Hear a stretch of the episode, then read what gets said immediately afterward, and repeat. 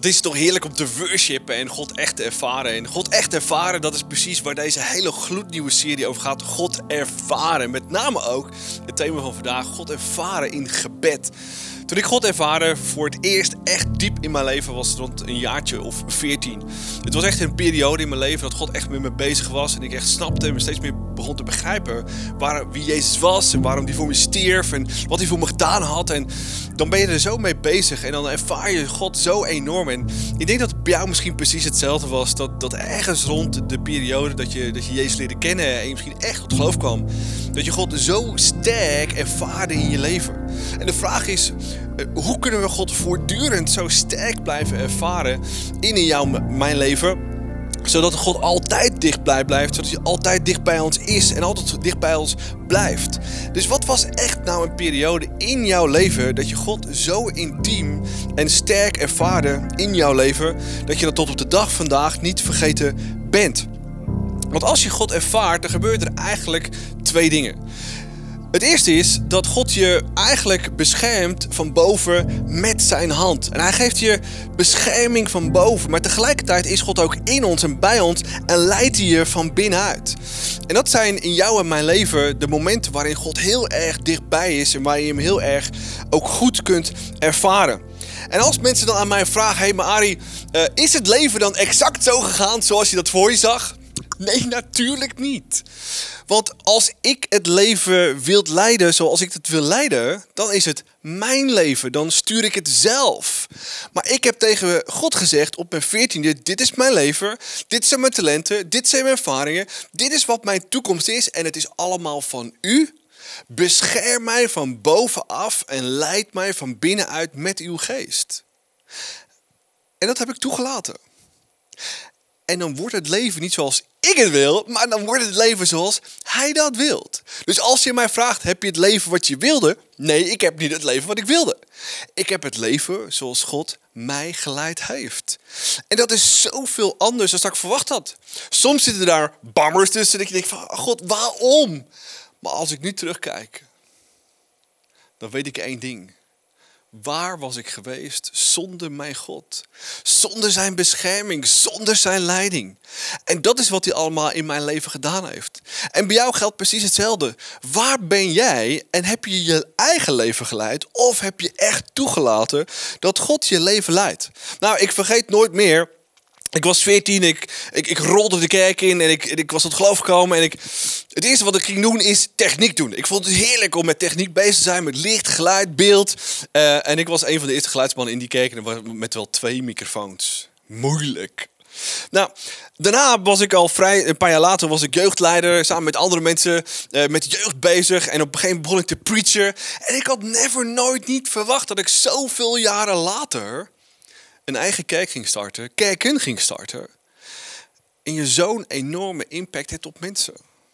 Als ik mijn leven had willen leiden, was ik nooit techniekman geweest. Was ik nooit jeugdpester geweest. En was ik nooit pester geweest van een kerk die ik zelf gestart heb samen met mijn vrouw. En is het leven zoveel anders gegaan omdat ik mijn leven in zijn hand heb gelegd. En je echt God ervaart. En natuurlijk zitten er momenten bij waarin je God niet ervaart. Waarin het een donker dal is en wanneer het taf is en moeilijk. Net zoals bij het volk van Israël. Het volk van Israël was uit Egypte gegaan. Waarheen? Als eerste hadden ze besloten om Egypte te verlaten en hun leven en het lot van het volk in Gods hand te leggen. Want ze hadden, hadden maar één keus gemaakt. Wij volgen Mozes, want God leidt Mozes. Waar gingen ze heen? Niemand wist het. Maar God was wel bij ze. Laten we kijken naar het volk Israël. Want God was bij ze door middel van een wolk overdag. En die wolk leidde ze niet alleen maar, maar beschermde ze ook letterlijk van bovenaf. Want God wilde altijd bij zijn volk zijn. Hij wilde ze leiden. En hij wilde ze ook beschermen met alles wat ze hadden. Hij zegt in Leviticus het volgende. Ik zal te midden van u wonen en geen afkeer van u hebben. Ik zal mij onder u bevinden en uw God zijn. En u zult mijn volk zijn. En hij was dus voortdurend in de vorm van die wolk bij zijn volk. En als mensen een smartphone hadden gehad, hadden ze gezegd: duimpje, fantastisch dat God bij ons is. Maar niet alleen overdag was God bij ze, ook s'nachts was hij bij ze. En je kunt je voorstellen dat als je s'nachts in de woestijn, het is koud en het vriest bijna en het is donker en er zijn wilde dieren, dat je misschien s'nachts nog wel veel meer bescherming nodig hebt. En God wist dat. En God zorgde ervoor dat er s'nachts een vuurkolom was. Voor licht, voor warmte, voor bescherming en voor leiding. Ik denk wel een dubbele duim als ze een smartphone hadden gehad. Ja, dubbele duim, super nice. Dus God wilt je leiden, hij wilt je beschermen, hij wilt je leiden, hij wilt je beschermen. Hij wilt je leiden, beschermen, leiden, beschermen, leiden en beschermen. God wilt je altijd leiden en beschermen. Omdat hij van je houdt. Als je ervoor gekozen hebt om jouw leven in zijn hand te leggen, zodat hij jou kan leiden en beschermen. En misschien vraag je al heel lang af, ja, maar ik ervaar God al heel lang niet meer. De vraag is, leidt jij je eigen leven? Of leidt God jouw leven? Het is een hele dunne lijn. Ik heb ervoor gekozen dat God mijn leven leidt. Mijn wil doet er niet zo heel veel toe, maar zijn wil betekent alles voor me. En ik wil God volgen, stap voor stap zodat hij me kan leiden en kan beschermen, zodat je God ook ervaart. En misschien zeg jij, ik heb God al heel lang niet meer ervaren. Leid jij je leven of laat je je echt leiden en beschermen door God? Door wie laat jij je leiden? Jezelf, door anderen? Of zeg je nee, dat is mijn eigen God. En dat is mijn God. En dat is mijn Jezus. En ik wil me door Hem laten leiden. Dat is zo'n verschil in ons leven. Dat maakt het zoveel anders. Nou, laten we kijken hoe we God nog veel meer kunnen ervaren en hoe de tabernakel gebouwd is. We lezen in Leviticus het volgende. Mijn woning zal in jullie midden staan en ik zal nooit een afkeer van jullie krijgen. Ik zal in je midden verkeren en ik zal jullie God zijn en jullie mijn volk. Dus God wil onze God zijn en hij wil dat we van hem zijn. Nou, de tabernakel is fantastisch gebouwd door twee bijzondere mannen. De eerste heet Bezaliel en de tweede heet, waanzinnige naam, Oholiab. Oholiab, wat een naam.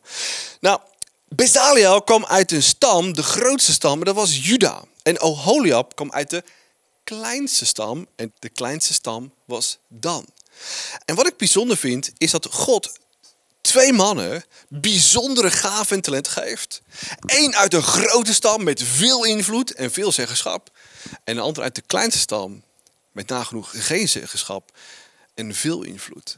En hier leren we uit dat of je nou groot, klein, sterk of zwak bent, God wil iets door je heen doen. En misschien voel je als onervaren en ervaar je God niet en denk je, ja, wie ben ik nou? Voor God maakt het simpelweg niet uit. De vraag is, wil je je leven, je talenten, je tijd, wat je hebt, aan Hem geven, zodat Hij er wat mee kan gaan doen. En zo bouwde God de tabernakel in die woestijn, zodat God ook echt daar aanwezig kan zijn. En iedereen is getalenteerd en iedereen heeft gaven en iedereen heeft talenten. En iedereen kan dus ook bijvoegen en toevoegen om met God samen te werken en hem ook echt te ervaren. Nou, die twee namen, elke naam in de Bijbel heeft nagenoeg altijd een betekenis. Mijn naam is Ari. In het Hebreeuws is dat Arie, oftewel leeuw. Mijn naam betekent leeuw. Sterk, machtig. Nou, dat is super cool. Nou, laten we naar die namen kijken van deze twee mannen en wat die namen betekenden in die tijd. Het eerste is van Bezaliel, het betekent een schaduw van God. De schaduw die ze beschermde overdag in de woestijn. Oftewel, God beschermt ons elke dag. Dat was die wolk die in de woestijn was. Dat was zijn naam. En Oholiab betekent mijn tijd is mijn vader. Dus niet op mijn tijd, maar ik doe alles op de tijd van mijn vader. Oftewel, God leidt mij. Niet ik leid mezelf, maar God leidt mij. Nou, laten we kijken hoe de tabernakel is opgebouwd. Nou, alles in die tabernakel heeft zo zijn plek. Het is niet zo dat God dacht van nou ja, laten we een tent bouwen, ergens een beetje cool en een beetje, we zien wel waar wat is. Nee, alles heeft zijn plek.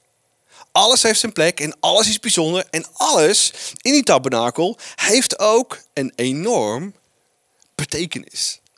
En als je al ziet, het is niet zomaar noord, west, zuid, oost. Nee, hier was het noorden, het moest die kant van. Het westen, het oosten en het zuiden. En als je al ziet dat als je daar een kruis overtrekt, liet God al zien, ooit zal mijn zoon komen en sterven een kruis. En als je Jezus wilt ervaren, moeten we dicht in het heiligdom van God komen. Er zit zoveel symboliek in het tabernakel. En de komende weken gaan we stap voor stap en beetje voor beetje ervaren wat het tabernakel is en hoe we in ons persoonlijke leven God meer en meer en meer kunnen ervaren. Dus laten we kijken naar de eerste gedachte van vandaag. En dat gaat over het dankgebed. Het gaat over bidden. Hoe kunnen we in ons gebed God nou echt ervaren? En een dankgebed betekent: Mijn God leidt mij. En we lezen in Psalm het volgende: Zing een loflied wanneer u door de tempelpoort gaat.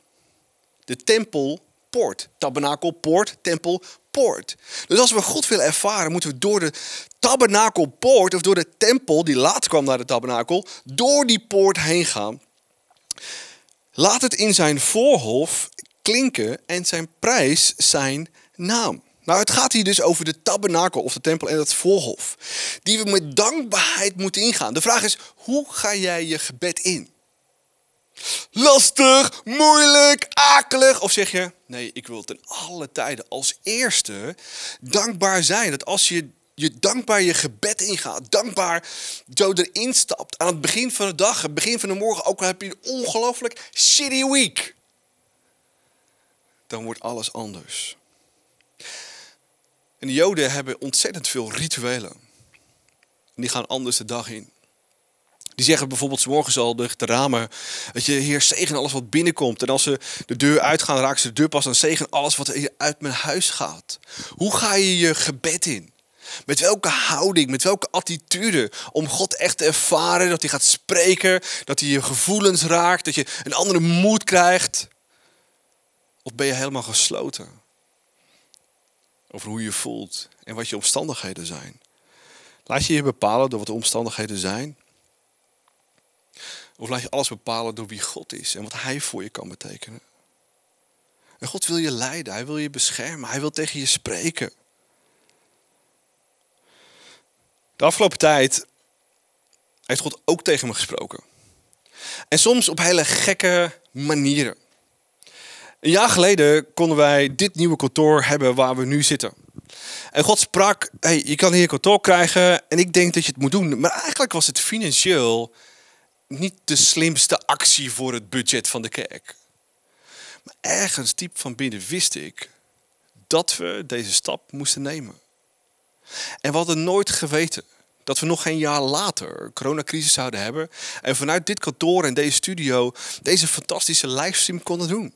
Soms heb je een diepe indruk van wat God wil doen als je dicht bij hem blijft. Ondanks omstandigheden, ondanks afleiding, je gebed open ingaat met dankbaarheid. En God echt te zoeken en te horen.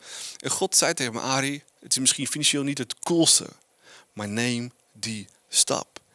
En zo kun je God ervaren. En misschien zijn de omstandigheden er niet daar. Misschien voel je er niet naar. Maar als je open staat voor God en wat Hij door je heen wil doen, wordt alles anders. Laten we kijken naar het tabernakel en hoe het verder gaat. Exodus staat het volgende. De ingang van de voorhof wordt gevormd door een 9 meter breed gordijn. Gemaakt van blauw-purper, rood-purper, scharlaken en getwijnd fijn linnen. Dit kleurige weefsel moet worden bevestigd aan vier pilaren voetstukken. Dus we hebben dus gezien dat er dus de ingang stond aan 1, 2, 3, 4 pilaren. En daartussen was 9 meter lang fantastisch voorhang. Nou, misschien zeg je, dit is niet mijn stijl, dit is niet mijn kleur. Maar dit was Gods kleur. En kleuren in de Oude Testament hebben ook weer enorm veel lading en achtergrond. En laten we die stuk voor stuk gaan bekijken. Want als we dit voorhang zien, hebben we het over 1, 2, 3, 4 pilaren. Over vier perspectieven van onze fantastische Jezus. Want in het Nieuwe Testament zijn er ook weer vier vier evangeliën die vier verschillende perspectieven geven van Jezus. En elk pilaar had ook weer vier zijdes. Dus elk pilaar had weer vier zijdes. Nou, laten we kijken wat die vier perspectieven zijn van onze fantastische Jezus.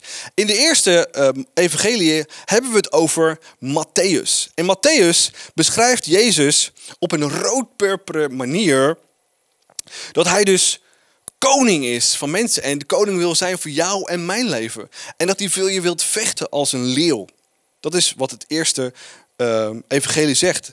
Het tweede, Matthäus in Marcus, wordt Jezus omschreven als dat hij een offer zou brengen en ook gedaan heeft.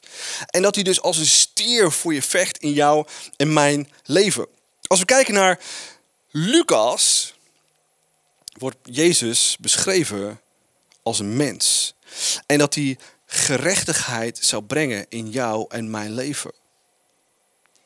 En wat we in Johannes leven lezen is dat Jezus heilig zou zijn voor jou en voor mij. En dat hij een adelaar is in je leven, dat hij perspectief voor je heeft. En dat zijn de vier perspectieven die de evangelie brengen en zoveel perspectief geven in jou, in mijn leven. En als we die perspectieven van Jezus snappen en begrijpen en weten, kan dat zoveel voor ons betekenen. Nou, de afgelopen twee maanden waren echt super zwaar voor mij. We moesten om als kerk. We moesten om in alles wat we deden. En er was ergens in mijn hele leven ik dacht van... Jezus, waar moet het heen? Het is zo moeilijk. En het is zo, ik ben zo moe. Gewoon simpelweg omdat je er moe van bent. Nou, dan komt de grote vraag. Moet je dan gaan lezen over een van de evangeliën? Dat alles mogelijk is dat alles mogelijk is in je leven terwijl er onmogelijke dingen gebeuren. Je weet wel dat als je dan Matthäus gaat lezen, dat Jezus ook in die situatie koning is. Dat hij wat voor je kan betekenen, dat fantastisch is. Zo elk evangelie heeft in jou en mijn leven kan ontzettend veel invloed hebben. En als we Jezus en God willen ervaren in ons leven, dan moeten we ook in elke situatie Jezus perspectief zien. Wat ons zoveel meer helpt in het leven. Want we hebben allemaal tegenslagen. We hebben allemaal downperiodes. We hebben allemaal situaties waarin je het niet ziet zitten. Maar God heeft in elke situatie een woord, een gevoel, troost. Of juist leiding op het moment wat jij het meest nodig hebt.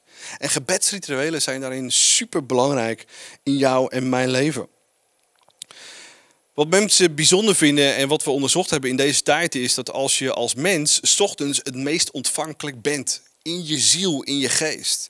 En men heeft dus onderzocht dat als je ochtends wakker wordt, je dus het meest kunt voelen, het meest kunt zien en het meest kunt ervaren. En dan snap je vanuit dat perspectief dat Jezus elke morgen zijn vader opzocht. Wilde connecten. Leiding wilde hebben. Troost wilde hebben. Wat is jouw moment van de dag waarin je echt stil bent?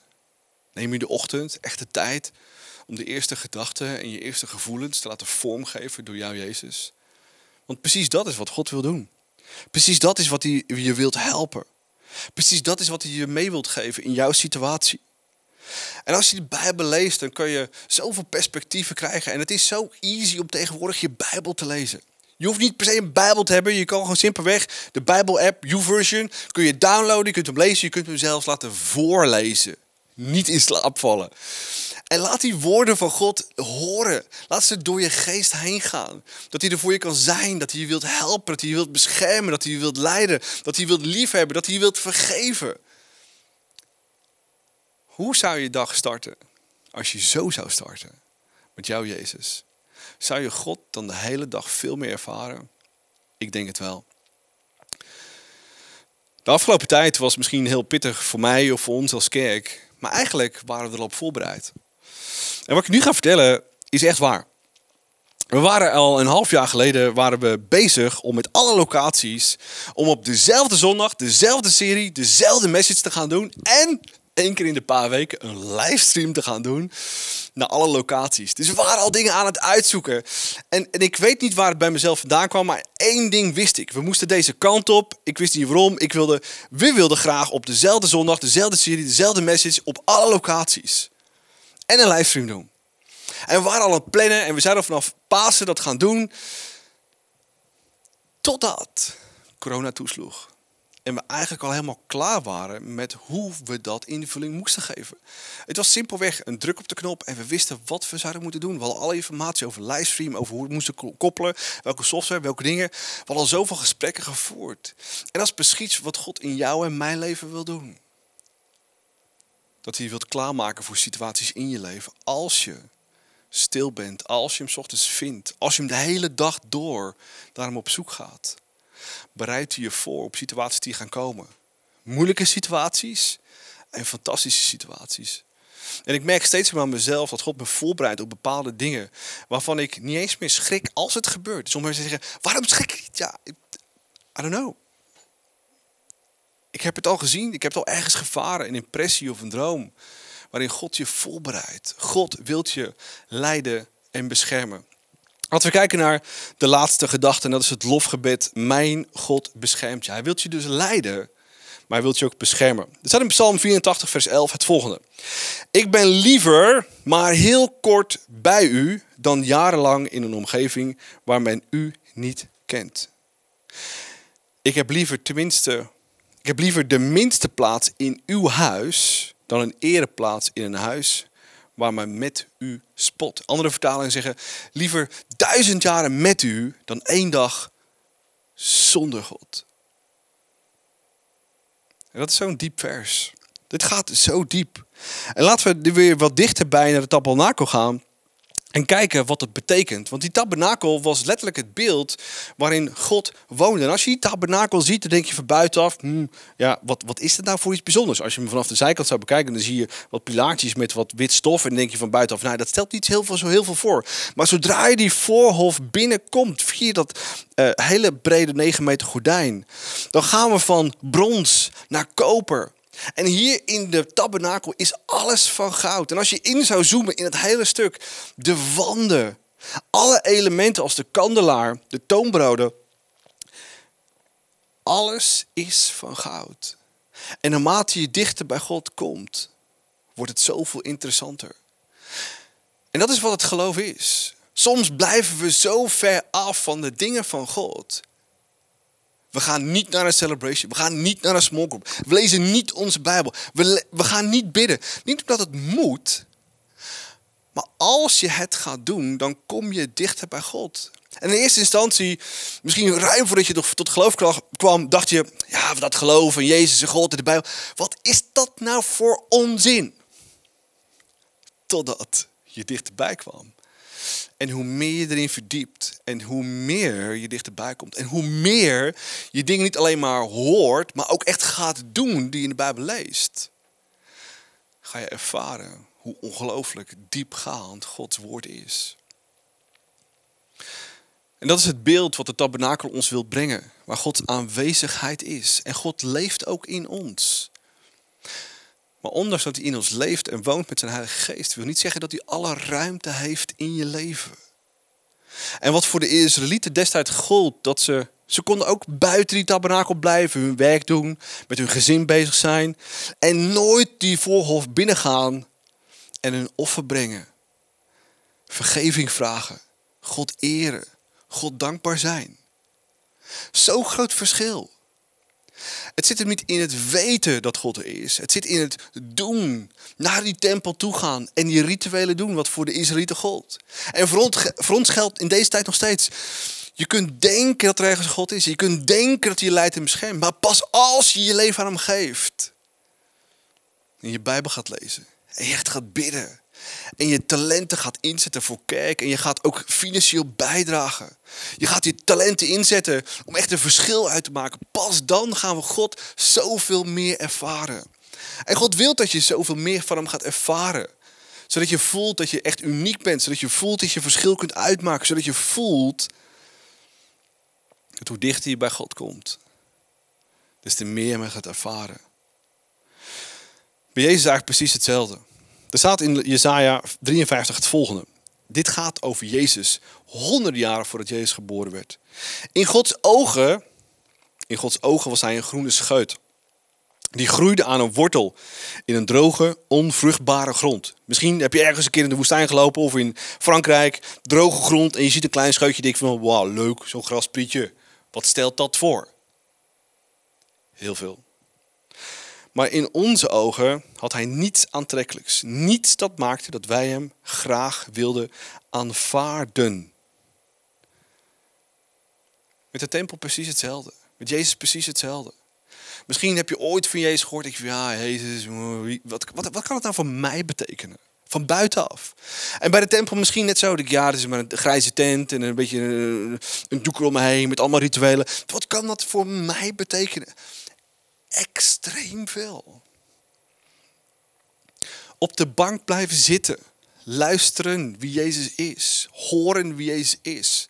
Wat hij voor jou zou kunnen betekenen. Boeit niet. Hem echt ervaren. Daar zit het grote verschil. En we gaan hem pas echt ervaren als we hem gaan danken. Als het uitschreeuwt hij ons beschermt, dat hij ons leidt. Dat hij altijd bij ons is. Maar het gebeurt alleen als we er vol instappen met alles wat we hebben. En alles wat hij ons gegeven heeft. Laten we dan nog een element kijken. Een bijzonder element in de tabernakel. We lezen het in Exodus. Daar staat het volgende. Alle gordijnen die de muren van de voorhof vormden, waren geweven van getwijnd fijn linnen. Elke pilaar had een koperen voetstuk. Alle stangen en haken waren van zilver. De bovenzijde van die pilaren waren met zilver overtrokken en de stangen, waarin nog gordijnen hingen, waren van puur zilver. Nou, er waren dus 56, naast die vier van de voorhof waren er 56 van deze pilaren. En daartussen was dus wit linnen gespannen. En elk pilaar heeft iets bijzonders. Naast dat hij uit vier kanten bestond, had hij een zilveren bovenkant, hout, acaciahout en een koperen voetstuk. Nou, waar staat dat voor? Als eerste, een zilveren bovenkant staat voor waarheid in de Bijbel. Waarheid dat Jezus voor je gestorven is, dat hij van je houdt, dat hij je vergeven heeft. Als je dat in je leven hebt, dan ervaar je echt serieus vrijheid waarheid. Jezus stierf voor mij en dat is waarheid. Hij houdt van me.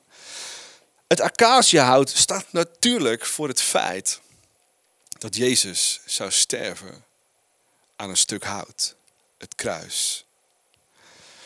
In de koperen voet staat dat we geworteld staan in rechtvaardigheid. Dat we vergeven zijn, vergeven zijn en nog eens vergeven zijn. Dat is waar we in geworteld moeten zijn. Niet te twijfelen of God ons vergeven heeft. Of Jezus voor ons gestorven is of niet. Hij is voor ons gestorven. En de gerechtigheid daardoor over ons leven is gekomen. Nou, het is zo fantastisch wat we hier lezen. Zo fantastisch wat we hier kunnen zien. En het zijn precies deze inzichten, deze informatie en kennis die we diep in ons hart moeten uitleven, moeten laten wortelen zodat het echt iets doet in ons leven en dat we echt vrijheid ervaren in ons leven. Nou, laten we kijken naar het laatste vers in ons leven. Jezaja 1 vers 18 zegt het volgende. Kom en laten we kijken wie er gelijk heeft, zegt de Heer. Al waren uw zonden rood als scharlaken, ik maak ze wit als sneeuw. Al waren ze vuurrood, ze zullen worden als witte wol. Zelfs in je relatie met God komen er tijden in je leven dat je fouten gaat maken. Al doe je nog zo best, al is Jezus bij je, al sta je helemaal voor hem open, je gaat fouten maken. En ik weet niet hoe dat bij jou zit in jouw leven, maar ik voel me dan soms, soms schuldig en soms een beetje, beetje schamen uit elkaar. Dat je denkt, ah, je hebt ons al lang mee, je weet wat je wel moet doen, niet moet doen. En toch doe je het fout. Dan moeten we beseffen en weten dat precies de symboliek van de pilaren. Dat Jezus voor je stierf, de waarheid hij voor je stierf. Dat we rechtvaardig zijn. Dat we ook echt serieus weten dat het voorhangsel van die pilaren een beeld was van Jezus. Dat hij ons totaal schoon zou wassen. Van alles wat je dwars zit. Van alles waar jij nog over schaamt. Waar schaam jij je voor? Misschien wie je bent. Misschien wat je denkt. Misschien wat je doet als niemand erbij is. Waar schaam jij je voor? Waardoor je God niet meer ervaart, waardoor je God niet meer voelt. Wij laten de keuze daar om de fout en dingen die we fout doen en blijven doen, ons laten scheiden tussen God en ons. Maar Jezus zegt: Ik stierf voor je. En ik ben voor je gestorven. En ik wil je vergeven. En vergeet niet dat omdat ik voor je gestorven ben, elke fout en elke schande en elke akeligheid weg is. En als we God willen ervaren, elke dag weer, met name in ons gebed, moeten we ons elke dag weer simpelweg omhullen met Zijn vergeving. Omhullen met Zijn waarheid. Omhullen met Zijn vergeving, Zijn gerechtigheid en de waarheid. Dat we altijd naar Hem toe kunnen gaan. Niet om wat jij bent, maar om wat Hij voor je gedaan heeft. En dat helpt ons om God te blijven ervaren. Want je gaat fouten maken. Je gaat fouten blijven doen. Je gaat je schandig voelen en schaamteloos soms dingen doen. Maar als we weten dat Jezus voor ons stierf en we omhullen ons elke keer weer met zijn liefde, met zijn trouw en alles wat hij is, dan kunnen we elke dag bij hem komen en genieten van zijn vergeving en weer vrij zijn en God ervaren. Ik stel voor dat we gaan bidden en alles bij hem brengen. Alles wat je scheidt van hem, alles wat je pijn doet, alles wat je misschien het schaamrood op je kaken krijgt. Want hij is voor ons gestorven en wil ons echt vergeven. Zullen we samen bidden? Jezus, dank u wel voor u bent, dank u wel voor uw liefde, dank u wel voor uw trouw, dank u wel voor alles wat u bent. Maar bovenal dank u wel dat uw vader al zo lang plan heeft. We terug kunnen vinden in alle elementen van de tabernakel. Dank u wel dat u ons elke dag weer beleidt en beschermt in het leven. En als u ons leidt en beschermt, zult u ons zeker helpen om dingen te voorkomen in ons leven. Maar we kunnen niet voorkomen dat we fouten maken. Dat er pijn komt in ons leven. Wat we onszelf aandoen of wat anderen ons aandoen. We kunnen niet voorkomen dat we fouten maken. Dat anderen daar last van hebben en pijn krijgen. Dat we daarover ons over schamen. En het liefst willen wegrennen in alles wat we zijn en hebben. Maar Jezus, u wilt ons elke dag weer inpakken met uw genade en vergeving. Wat we ook fout hebben gedaan, hoe groot het ook is, hoe heftig het ook is. U vergeeft en vergeet. En alles wat we bij u brengen is ook echt weg. Jezus, ik heb misschien een hele waslijst hier nu vandaag waar ik vanaf moet. Voor altijd. Ik wil het bij u brengen. Ik wil je vragen om in jezelf die waslijst waar je over schaamt, wat je pijn doet, wat, wat je tegenhoudt om God echt weer te ervaren, bij hem te brengen. Zeg het in je eigen woorden. Vraag zijn vergeving. En laat je overspoelen en inwikkelen met zijn liefde. Zeg het in je eigen woorden.